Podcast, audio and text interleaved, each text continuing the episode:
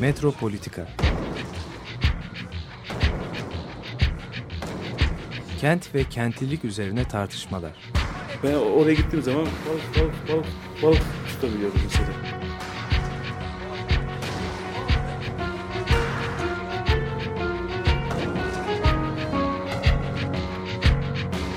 Hazırlayıp sunanlar Aysin Türkmen, Korhan Gümüş ve Murat Güvenç. Takusuyor yani. kolay kolay boşaltamadılar. Yani elektrikçiler terk etmedi Perşembe Pazarı merkezinde. Merhaba sevgili Açık Radyo dinleyicileri. Ee, bugün e, haberlerde de belki izlediğiniz araç tüneli, Avrasya Araç Tüneli konuşarak programımıza başlayacağız.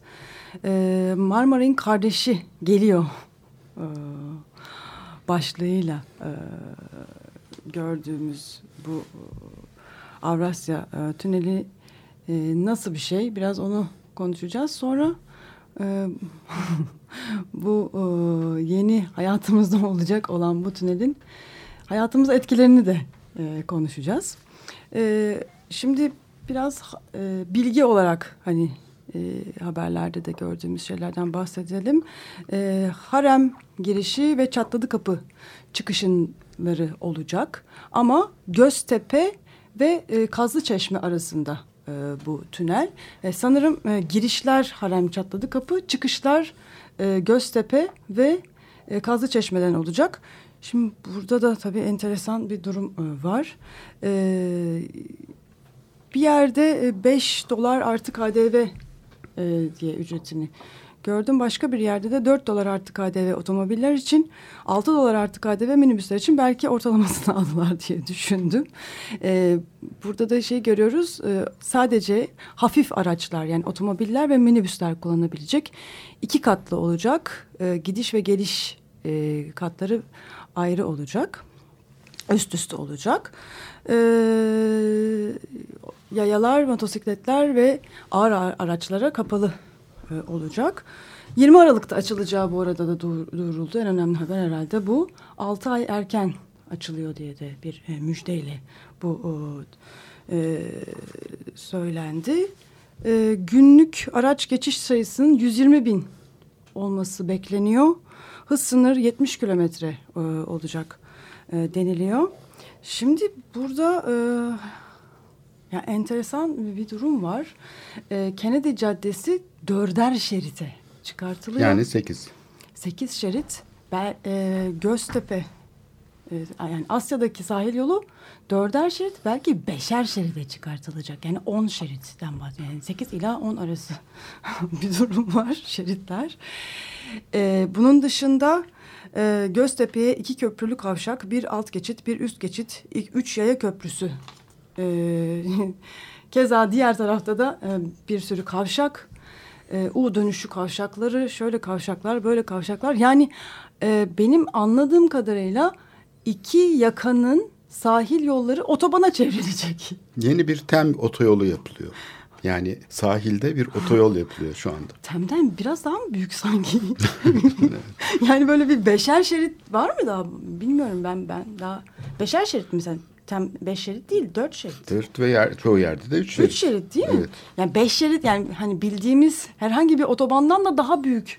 Daha geniş bir fazla otoban. Fazla Yani, yani elini korkak alıştırmayacaksın. Yaparken 20 sene sonrayı da düşüneceksin. Onun için Beş şerit. 20 sene sonra yaşıyor olabilirsek bu coğrafyada hala e, yani coğrafya ve iklim koşulları hala izin verirse evet çok rahat e, hareket imkanına sahip olacağız.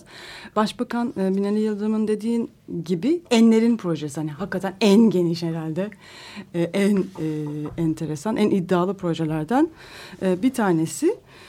Ee, biraz bu proje nasıl başladı? Hani e, nasıl kamuoyuna nasıl duyuruldu mu, duyurulmadı mı? Hani biraz onları e, konuşacağız. 2011 galiba ilk çıkış sözleşmesinin Aslında tabii orada çok enteresan bir şey var. E, bu projede e, bilerek e, bir kafa karışıklığı yaratıldığını düşünüyorum ben. Test edildi bu proje. Şimdi Marmaray projesi ilk defa kamuoyuna 97 yılında açıklanmıştı. 97 yılında 3. köprü muhalefeti sırasında Ulaştırma Bakanı e, sivil toplum kuruluşlarından randevu istemişti. O zaman Büyükşehir Belediyesi tabii 3. köprüye karşı olduğu için meclis salonunda yapılıyordu toplantılar. STK'lar belediye meclisini basmıştı yani.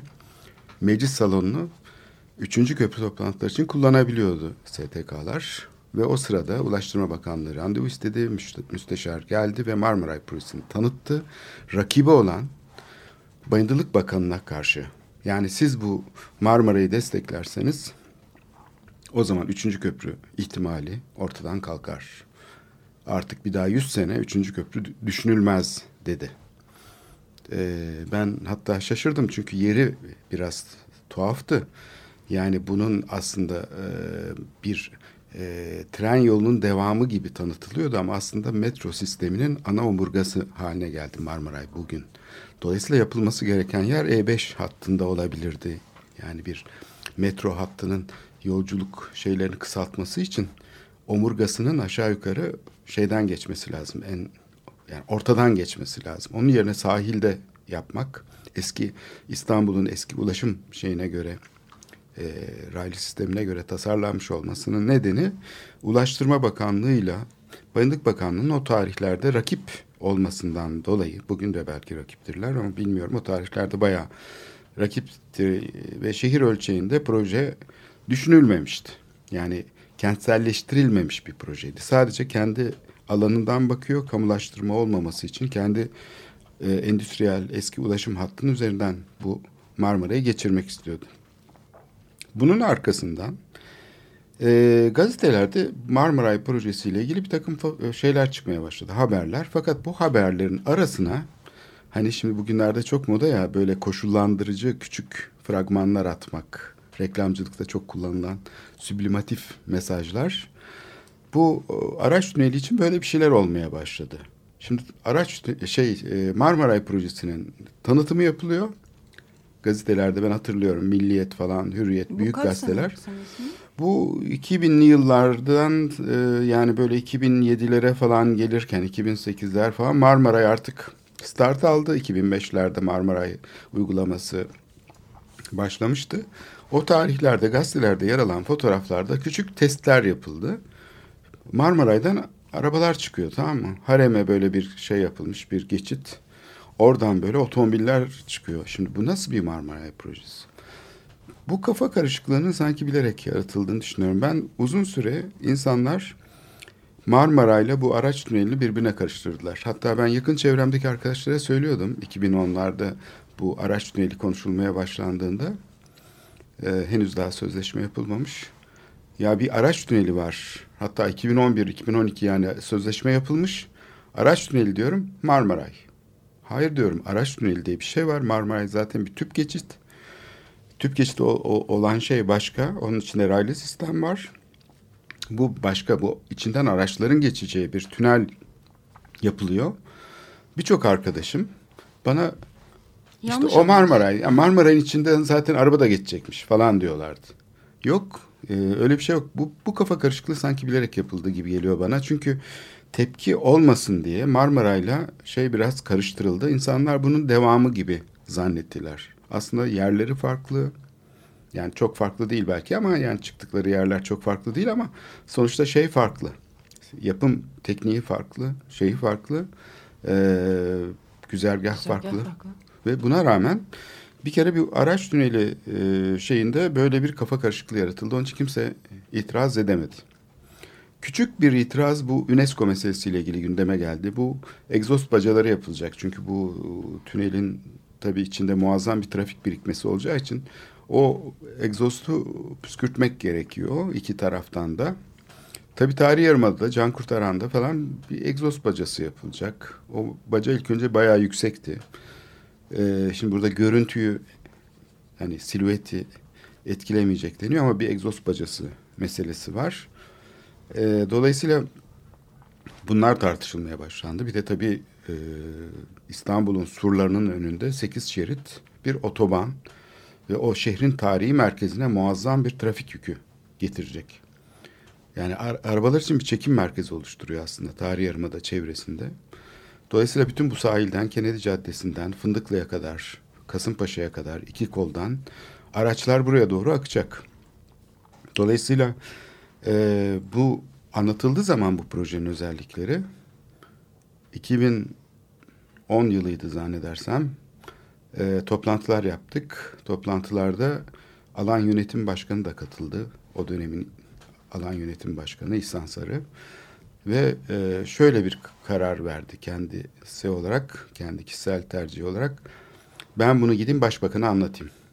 Recep Tayyip Erdoğan'la ilişkisi varmış, tanışıyorlarmış. Bunu bu projeyi ben ona anlatayım çünkü bu proje İstanbul'a çok zarar verecek. Ee, yani tarih yarımadayı bir araç platformu haline getirecek, egzoz bacaları olacak falan. Yani burada bu, ulaşımın bu şekilde teşvik edilmemesi lazım. Lastik tekerlekli ulaşımın diye düşündü. Randevu aldı ve gitti. Daha dönerken görevden alındı. Şimdi böyle bir süreç. Fakat e, benim aklıma şeyler de takılıyor duruyor. Yani sürekli kafam böyle şey kafam kurcalayan birçok şey var. Şimdi sen dedin ki Kazlı Çeşme Göztepe arasında bir tünel değil mi? Bir tünel kısmı var. Bir de bunun otoyol kısmı var. Tüneller yaklaşık beş buçuk kilometre civarında 5.4. Boğazın altındaki. Boğazın altındaki tünel. Geri otoyol ise o sözünü ettiğin 8 şerit otoyol ise 9.2 yani toplam 15 kilometre kadar bir e, şey var uzunluk var. Ee, şey diyor ki Ulaştırma Bakanı Ahmet Arslan yolculuk süresi diyor 15 dakikaya inecek. O zaman demek ki 15 kilometreyi 15 e, dakikada Dakika. yapacağını varsayıyor. Bu ne demek? 60 kilometre demek saatte. Yani 70 kilometre dedin ya. Demek ki burada hiç trafik sıkışmayacak. Bunu anlıyoruz. Şimdi aynı süreyi e, Boğaziçi Köprüsü için de söyleyelim o zaman.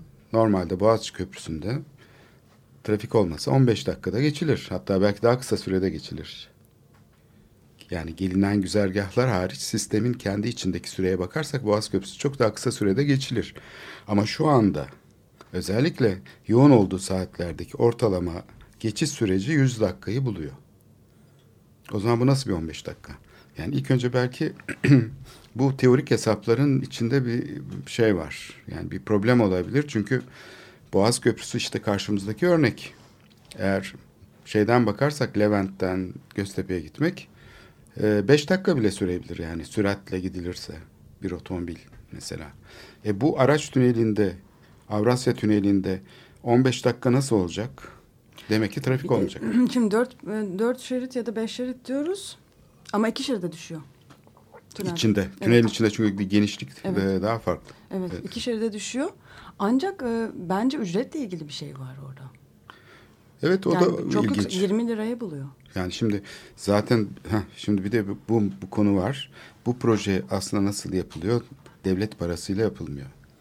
Bir yatırımcı geliyor devlet. e, ve bu projeyi e, teklif ediyor.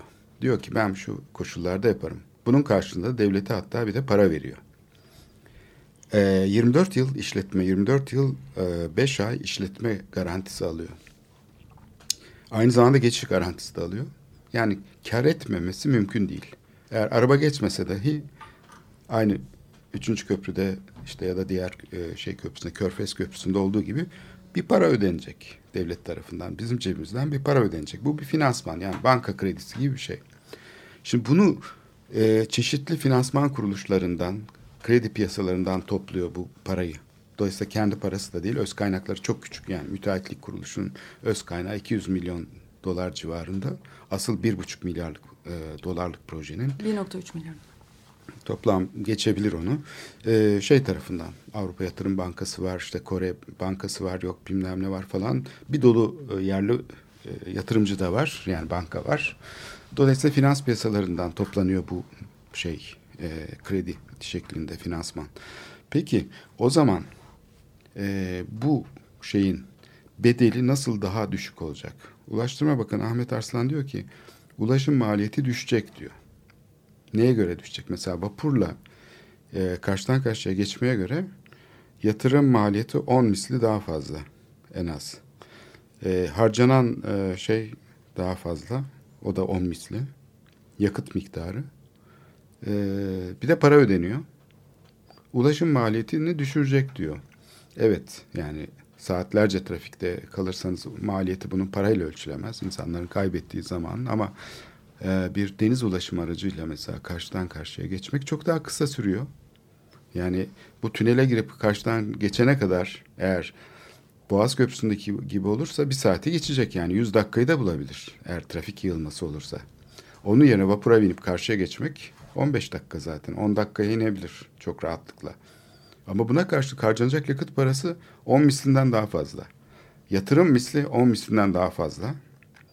E, o zaman bu nasıl bir ucuzluk ben onu da bilmiyorum. Anlayamıyorum. Yani kafam sahiden çok karışık. Bu açıklamaların hepsi son derece teorik e, şeylere göre yapılmış. Yani Boğaz Köprüsü trafiği rahatlatacak sözüne kadar gerçekle alakasızsa bunun da trafiği rahatlatacak, ucuzlatacak, süreyi kısaltacak şeyinde benim kafam karışıyor açıkçası. Ya bir de bağlantı yolları var. Hı hı. Hani tamam belki güzergahta aksın diyelim. Hani bu kadar parayı herkes de veremeyecek. Belirli yani onların kafasındaki 120 bin araç sadece verecek. Bir de bağlantı yolları yani zaten yani Kadıköy'de yaşayan insanlar artık araba kullanamıyorlar. Ben arabamı sattım. Yani giremiyoruz, çıkamıyoruz. Hani böyle bir gerçek Tabii, var Kadıköy'de. Öyle, evet. Yani hani hem Kadıköy merkezde Hı. hem Bağdat Caddesi ve hani e, minibüs caddesi kısımlarında gerçekten İstanbul'un belki en kötü trafiği oluyor. Yani bunu kimse konuşmuyor ama hakikaten korkunç bir yani sıkışma durumu yaşanıyor. Çünkü hani e, biraz daha farklı Avrupa yakasında farklı yollar var ama Kadıköy yakasında tek yol var. Hani ve orada kalıyorsun. Hani saatlerce kalabiliyorsun. Yani beş dakikalık, üç dakikalık yolu serviste mesela çocuklar yarım saat, bir saatte geliyorlar bazen. Hani akıllara sığmaz bir durum varken buraya biraz daha trafik yükünü bindirmek ve bağlantı yolları hani o gerçekten bağlantı yolu kelimesini duyduğumda böyle tüylerim diken diken oldu Kadıköy'de yaşayan biri olarak. Evet. Daha nasıl bağlayacaklar hani burası zaten keşmekeş yani. Şimdi burada belki bize yardımcı olacak kavram şu. E, kentselleştirme kavramı. Saskia Sassen'den ödünç alalım. Kentselleştirme kavramı nedir? İlişkisel olarak düşünmek, şehirdeki her türlü olay aslında bir ağ sistemi içinde yer alıyor ve bunlar birbirini etkiliyor. Dolayısıyla biz bunu sadece bir basit ulaşım projesi diye tasarladığımız zaman aslında bir tür şey uygulamış oluyoruz. Yani şehri aslında tek boyutlu bir şekilde algılamış ve yönetmiş oluyoruz. Şimdi bu ulaşım projesi olarak e, yapıldığı takdirde böyle bir e, şey e, araç tüneli e, ulaşımı kolaylaştıracak deniyor ama aslında ulaşımı zorlaştırıyor çünkü e, araç yığılması yaratıyor bir kere. Ve bu tarihi yarımadanın Kadıköy'ün araç platformu haline gelmesi demek. Yani bu araçlar buraya ulaşmak için e, bu arayollardan geçecekler. Dolayısıyla burası transit trafiğe açılacak.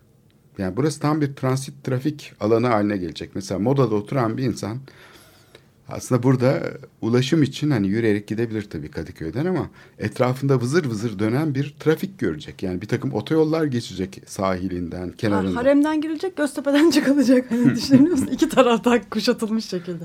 Evet yani Bağdat Caddesi, işte yani. E5 falan bunların hepsi inanılmaz bir şekilde trafik e, şeyine artışına sahne olacak. Çünkü bu üstelik otomobiller için yapılıyor. Otomobiller ve küçük araçlar yani minibüsler için. Yani basıp gitmeyecek. Hani bir tır Hı. gibi. Hani Hı. sadece geçiş olarak kullanmayacak. Evet. Orada otoparklara ihtiyacı olacak. Yani hani minibüs ve otomobiller için. Yani bu hakikaten akıllara zarar bir durum evet, yaratacak. Burada düz bir mantıkla bakılıyor. Genellikle bizim bu işlevselci mantığımız yani ulaşım sorunu var yolları genişletelim. Ulaşım sorunu var, otoyol yapalım mantığı var. Yani Taksim gibi bütün meydanları tünel yapmayı hedefleyen bir e, yaklaşım vardı, e, hala da var. Bunu savunan e, şeyler, üniversite hocaları şey diyorlardı. Bu bilimsel bir konudur, tartışılmaz. Onun için otoyol yapmak gerekir. Yani meydanlar otoyol. Şimdi biraz kentselleştirme kavramı açısından bakarsak aslında böyle bir düz mantıkla çalışmıyor şehir. Yani işte şu ihtiyaç var, ona göre de şu yapılsın, beton dökülsün, yol genişletilsin falan değil. Tersten de çalışabiliyor. Yani şehir merkezini mümkün olduğu kadar araçtan arındıralım. Değil İstanbul gibi şehirler çok daha basit, çok daha sıradan e, şeyleri olan e, şehirlerde bile, daha az komplikasyonu olan şehirlerde bile bunların içine tarihi şehirlerin tamamını katabiliriz Avrupa'daki. Şehir merkezindeki e, otomobil kullanımı kısıtlanmış durumda. Floransa'da, Siena'da yani buralara otomobil sokulmuyor Floransa'da. Şeyde falan otomobil göremezsin şehir merkezinde. O bir örnek. Ben de Tahran'dan bir örnek vereyim. Yani o kadar korkunç ki Tahran'daki trafiğin yarattığı durum. Ee, yani başka çareleri kalmamış. Bazı günler çift plakalı otomobiller, bazı günler tek plakalı otomobiller girebiliyor şehre. Yani bunu hani aman şehirleştirelim hani kent kenti düşünelim diye değil başka çare kalmamış. Çünkü e, ben e, Tahran'da uyandığım ilk gün pazar günü gittim. Pazartesi sabah kalktım. Nefes alamadım.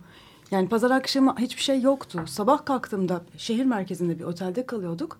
Ya egzoz dumanından nefes alamadım. Gerçekten ne oluyoruz diye uyandım. O, o nefes alamamaktan dolayı uyandım.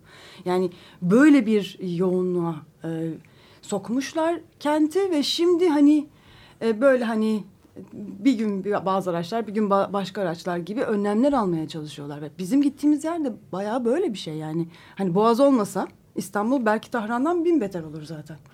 Yani gitgide hani ormanları falan da yok ettiğimiz için hani Boğaz da herhalde yetmeyecek havayı to- toparlamaya. Aslında bu kaçınılmaz değil.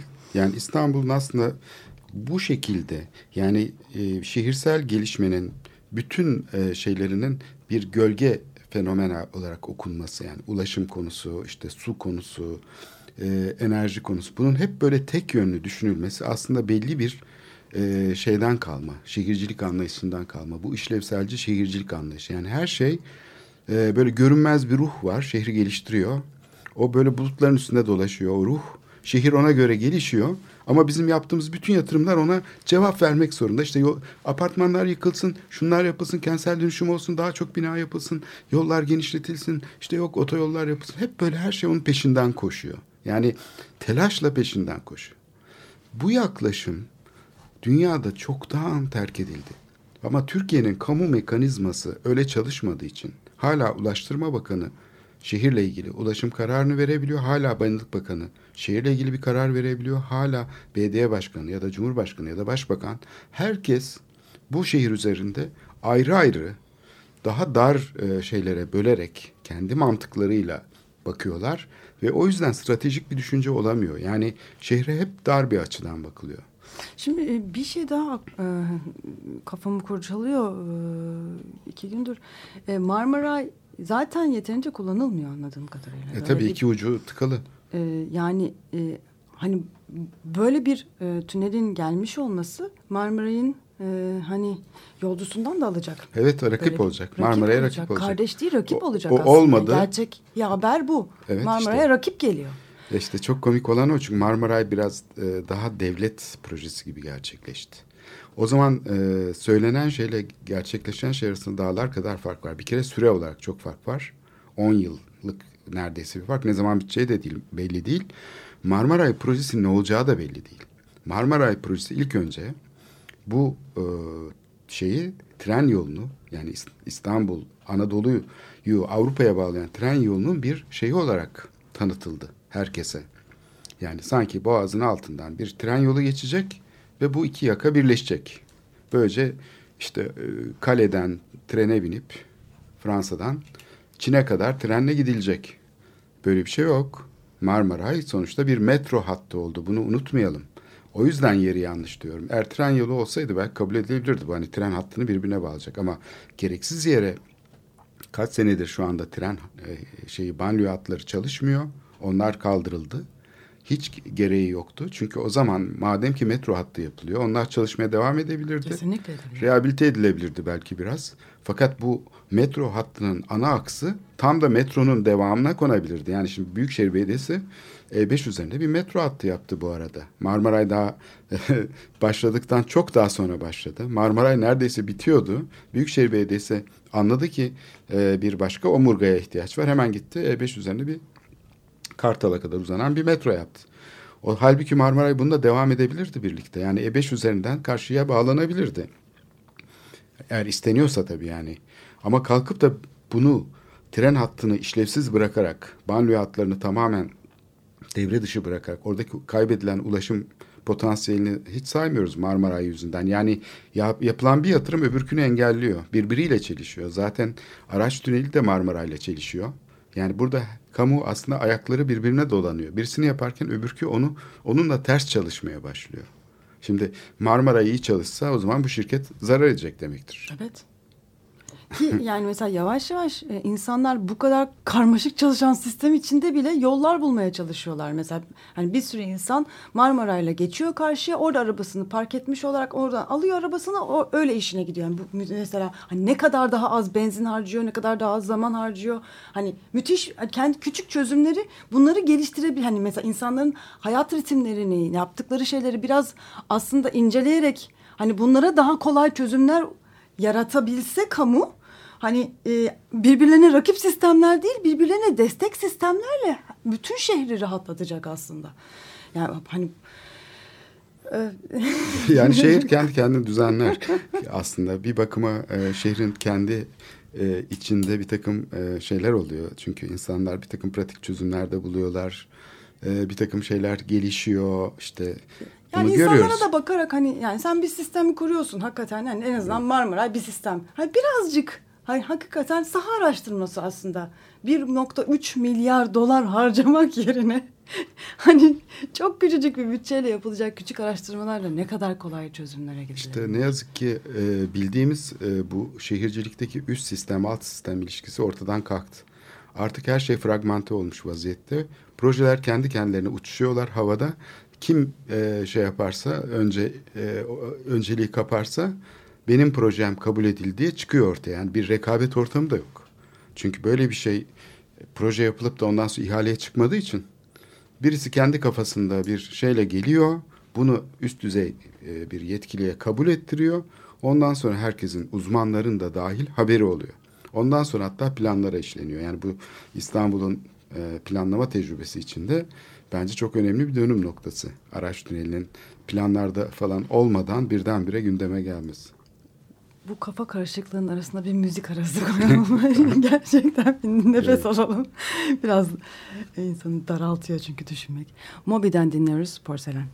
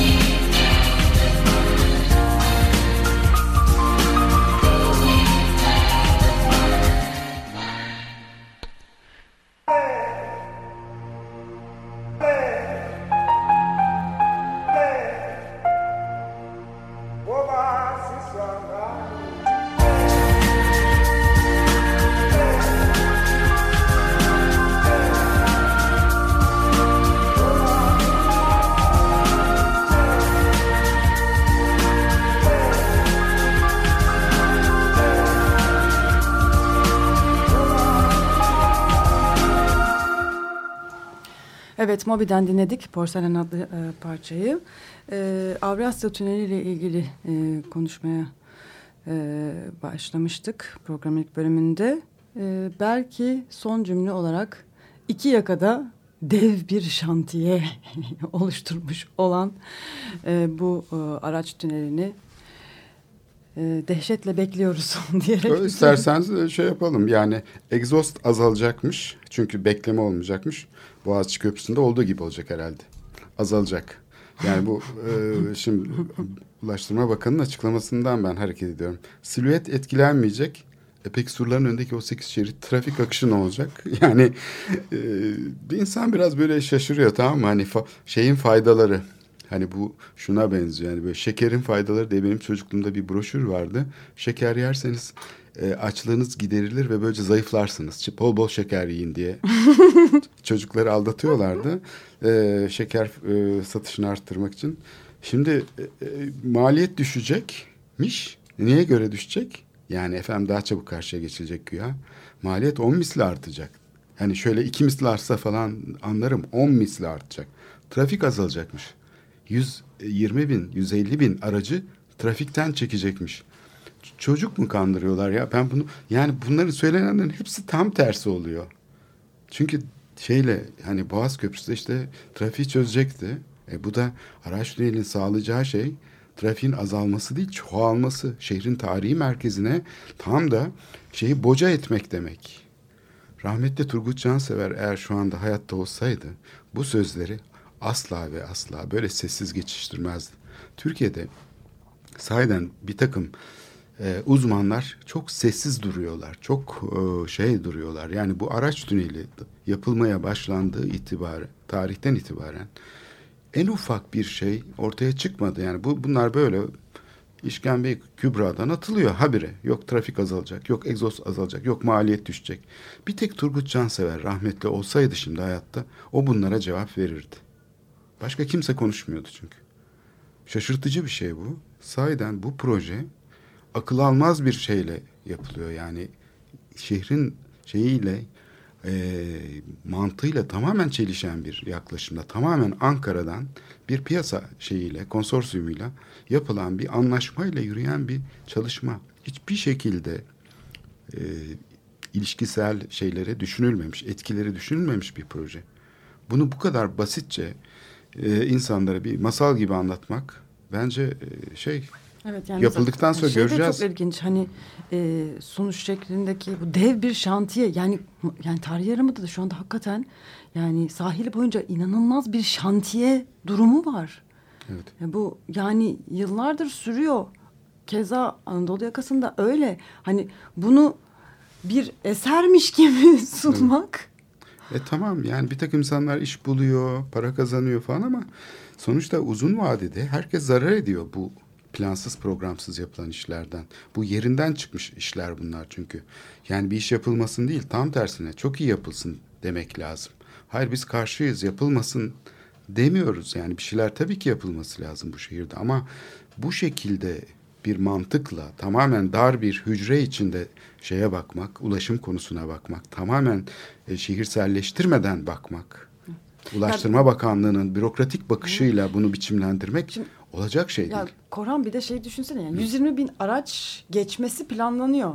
120 yani şimdi geçmesi geçerse bir, bir sorun geçmezse başka bir sorun. O zaman Çünkü parasını o zaman ödeyecek. parasını biz hepimiz herkes yani bütün Türkiye'deki insanlar ödemek zorunda. Tabii bizim cebimizden çıkacak çünkü para. Kesinlikle. Yani Geçse hani, de ben- kötüye geçsin geç- diye mi dua edelim, geçmesin diye mi dua edelim? Hani gerçekten yani bu araç tüneliyle halimiz duaya kalmış bir durumda. Evet yani şimdi şöyle bir şey olsa mesela İstanbullular protesto etseler ve deseler ki biz geçmeyeceğiz. Arabayla bugün araba kullanmayacağız. Tıkır tıkır parasını ödeyecekler. Evet. İstanbullar mı sadece? Yok. Bütün Türkiye. Bütün Türkiye. Ama sonuçta e, İstanbul'un cebinden çıkacak o para. Çünkü İstanbul ödüyor zaten yani Türkiye bütçesinin yüzde kırkını zaten İstanbul şey yapıyor, karşılıyor. Aynı zamanda da bu tünelin içinden geçerek de İstanbullular bunun maliyetini fazlasıyla ödüyorlar. Hem benzinden alınan vergilerle ödüyorlar. Hem burada bilet alarak ödeyecekler yani geçiş parası olarak ödeyecekler. Yani birçok açıdan bunun maliyeti hem de sağlıklarıyla ödeyecekler. Yani birçok açıdan ödenecek. Dolayısıyla bu maliyet düşecek lafını gelsinler bir şöyle bir konuşalım. Yapıldıktan sonra göreceğiz. Nasıl düşeceğini hep birlikte göreceğiz. Birinci köprüde nasıl Boğaziçi Köprüsü'nde ulaşım kolaylaştıysa burada da herhalde tarih yarımada ulaşım çok kolaylaşacak. Kadıköy'de çok ulaşacak, kolaylaşacak. Yani burada e, göreceğiz bakalım. Bakalım yani. nereye ulaşacağız bu ulaşım sistemleriyle. hani hakikaten. Evet geçen hafta e, konuşmaya başlamıştık. E, belki bu hafta biraz daha konuşup gelecek hafta da hatta e, Kadıköy'le karşılaştırma olarak Taksim'e bakacağız. Taksim'de neler oluyor? Taksim'de bir tuhaflıklar oluyor. Bunu söylemeye gerek yok. Gözümüzle görüyoruz. Çünkü ihale takvimine göre işte bu meydan düzenleme işi Ocak 2014'te başladı. 150 günlük bir e, süre tanındı müteahhite iş, yer tesliminden sonra.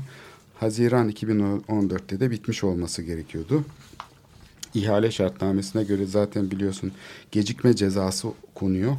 Geçen süre içinde müteahhit ihale tutarını aşacak ölçekte bir ceza ödemiş olması yani batmış olması gerekir bu müteahhitin. Bitmiyor çünkü. Yani bir tuhaflık olduğu kesin. Ee, iki sene önce bu iş bitmiş olması gerekirken e, gözde görüldüğü gibi bu işin bitmediği görülüyor yani. Bu çok açık. Ama biraz daha bakınca e, yani işin devam ettiğini zannediyoruz. Hani biz uzaktan bakanlar yani bu iş devam ediyormuş gibi. Ama ipin ucunun kaçtığı belli oluyor. Asıl mesele orada bence. Yani bu tarafına dikkat çekmek lazım. Yoksa iş niye bitmedi diye bakarsak iş bitmiyor. Gecikme olabilir. Ama ipin ucu kaçmış durumda. Çünkü niye? Hani birçok şey var. Ama bu yöntemle bitmez. Yani bu proje bitmez. Yani açık açık söyleyelim Taksim'deki meydan düzenleme işi bitmez. Eğer bu yöntemle yapılırsa. Nereden belli? E çünkü çok kolay. Anlamak çok kolay bunu. Proje hatalarına bakınca insan bunu anlıyor. Mesela diyelim AKM'nin önüne gelmişiz. Sert döşeme olan granit kaplama gidiyor gidiyor gidiyor. Yeni yapılmış granit kaplama. Onun hemen yanında asfalt kaplama başlıyor. O da yeni yapılmış yani o. İki, o, o eski de bu yeni ya da bu eski o yeni değil. İkisi de şu anda yapılmış. Ve arada bir, bir metreye yaklaşan bir kod farkı var aniden karşımıza çıkan. Şimdi normalde işte e, meydan biraz eğimli. O eğimi dikkate alarak ikisinin buluşması gerekir. Hatta asfaltın daha aşağıda belki bir parça hani trotuar yüksekliği kadar bir 10-15 santim aşağıda kalması gerekirken tam tersine asfalt yukarıda. Bu yeni yapılmış asfalt. Şimdi burası da üstelik toplu taşıma araçlarının indirme bindirme yeri. Yani tam o bölge tam bir şey e, bir meydanın en çok hareketli olduğu yani ağaç de, araç değiş tokuşunun yapıldığı bir hemzemin geçit. Dolayısıyla burada bu yapılıyorsa o zaman bir hata var demektir. Eğer e, tekrar geri dönüp şeyi kırarsak granit döşemeyi bir kere daha yeni yapılmış. Daha onun hak edişini müteahhit yeni almış. Yaptığı şeyi kır yeniden rampa haline getir ya da hafif kademeli olarak yükselt. Ya böyle bir şey söylenecek ya da asfalt döşeme tekrar yıkılacak. Orada trafik kapatılacak ve aşağı indirilecek. Şimdi meydanda o kadar çok altyapı kapağı vesairesiyle üst yapı arasında ilişki kurulmadığı görülüyor ki akıl almaz boyutta. Neredeyse bütün detaylar hatalı. Yani bir tanesi düzgün olsun. Tamam diyeceğim ki bu tutmuş. Mesela metro giriş çıkışları. Ana giriş zaten 3 senedir kapalı. Bu çok büyük bir eksiklik. Metronun ana girişi kapalı. İnsanlar ta başka yerlerden dolanıyorlar. İstiklal Caddesi'nden gelen mesela ana trafiğe katılacak olan insanlar, metroya binecek insanlar ta gidip e, tersten dolanıyorlar. Onun mesela basamak yükseklikleriyle meydan döşemesinin yükseklikleri arasında 20 santim fark var. 30 santim hatta. Rampa yapılmış. Niye o zaman bu fark? Yani ölç, ölçmeyi bilmiyorlar mı? Yani bu meydanı uygularken, projeyi hazırlarken ölçü yok mu? Şimdi buna benzer o kadar çok hata var ki. Mesela o tramvay durağı. Tramvay durağı sökülürken yer döşemesi de tabii zarar görmüş. Hani orayı betonlamışlar.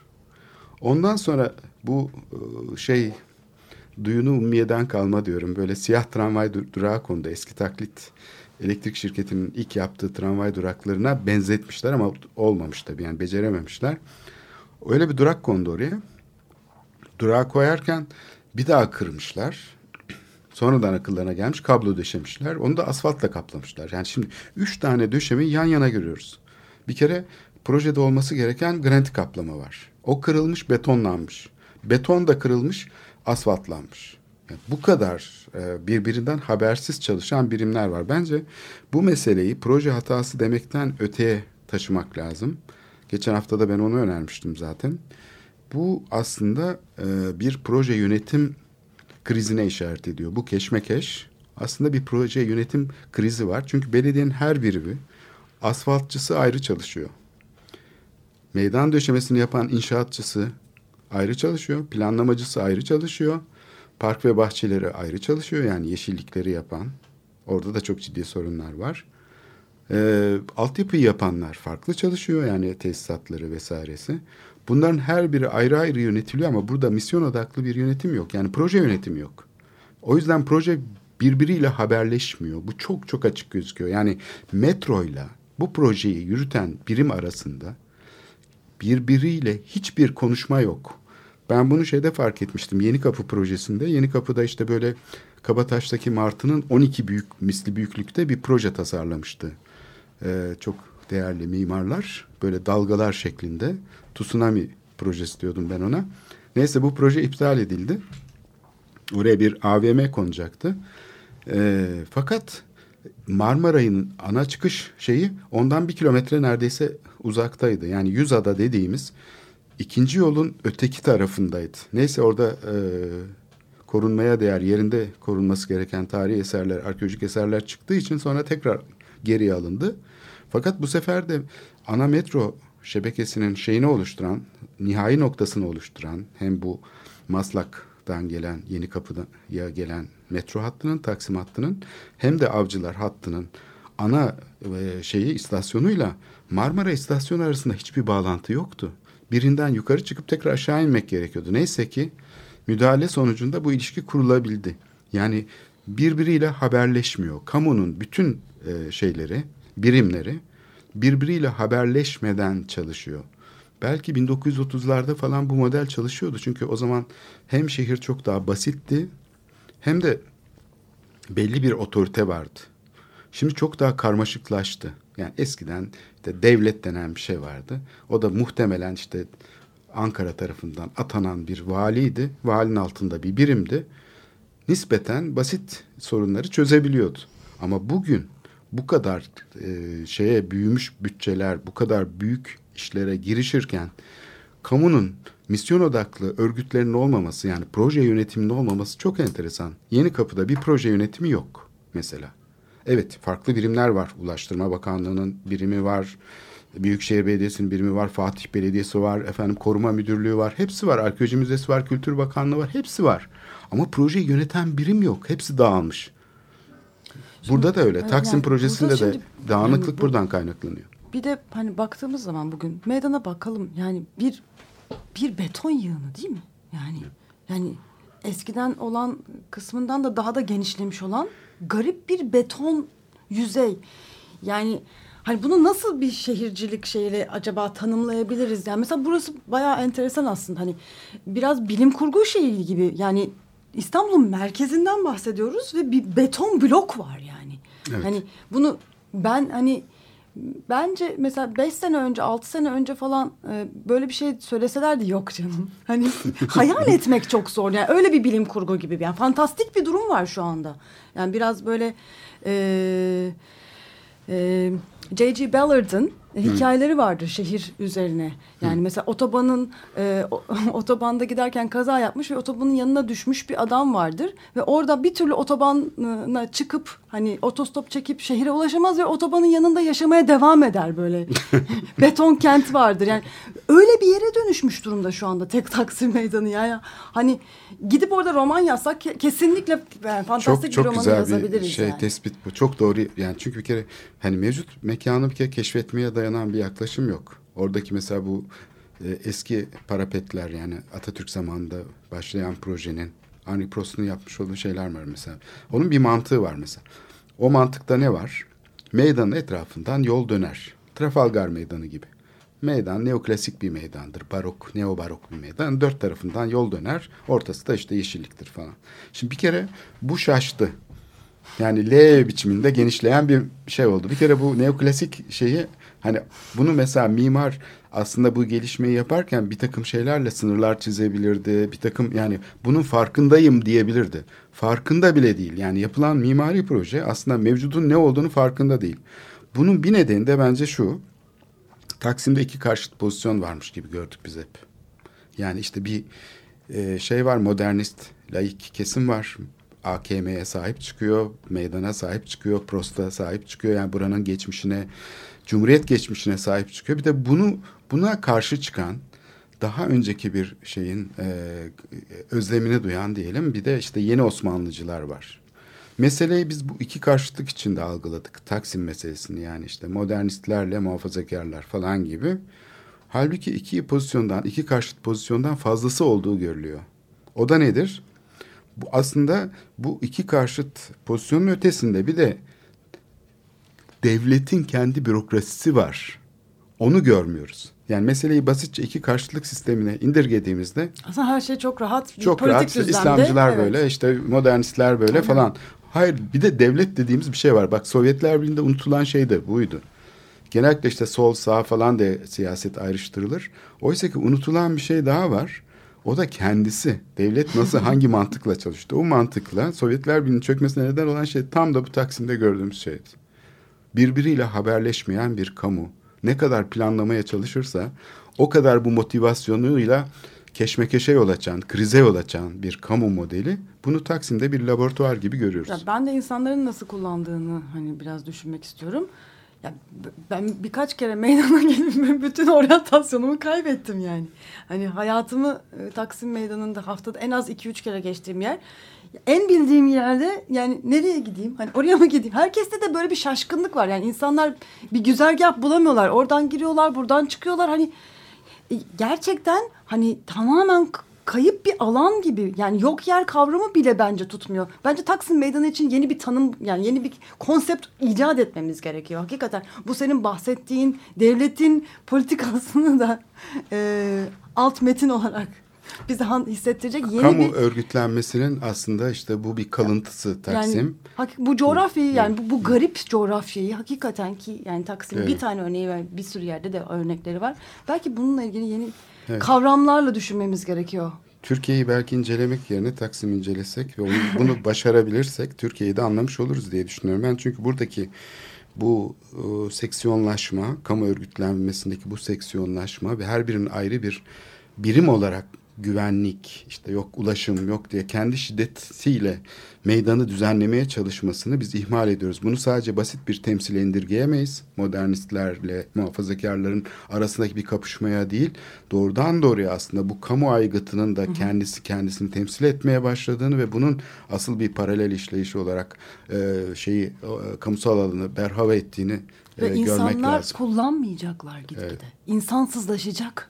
Yani gitgide hakikaten burası insanların istemediği bir yer olacak. Yani şu an gitgide buna geldi şu anda. Yani çöpe dönüşecek. Aynen. Aslında bütün kamu alanları e, bu gidişle e, şeye doğru kullanılamaz hale geliyor. E, Taksim, Karaköy, Beyazıt, Beşiktaş neresi olursa olsun Eminönü. işte Eminönü, dalış tünelleri yok efendim Ataköy otoyol. bu arada. Evet, Ataköy Marina yani evet.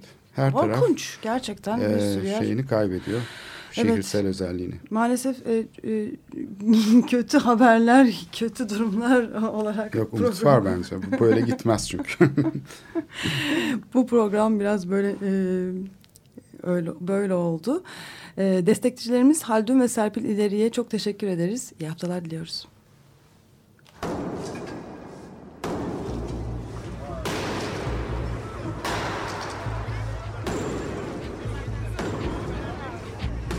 Metropolitika Kent ve kentlilik üzerine tartışmalar. Ben oraya gittiğim zaman balık balık balık balık tutabiliyordum mesela.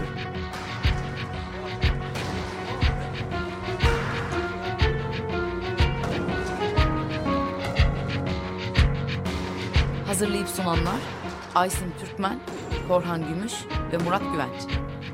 Takusuyor ki. Kolay kolay boşaltamadı. Yani elektrikçiler terk etmedi Perşembe Pazarı merkezini. Açık Radyo program destekçisi olun. Bir veya daha fazla programa destek olmak için 212 alan koduyla 343 41 41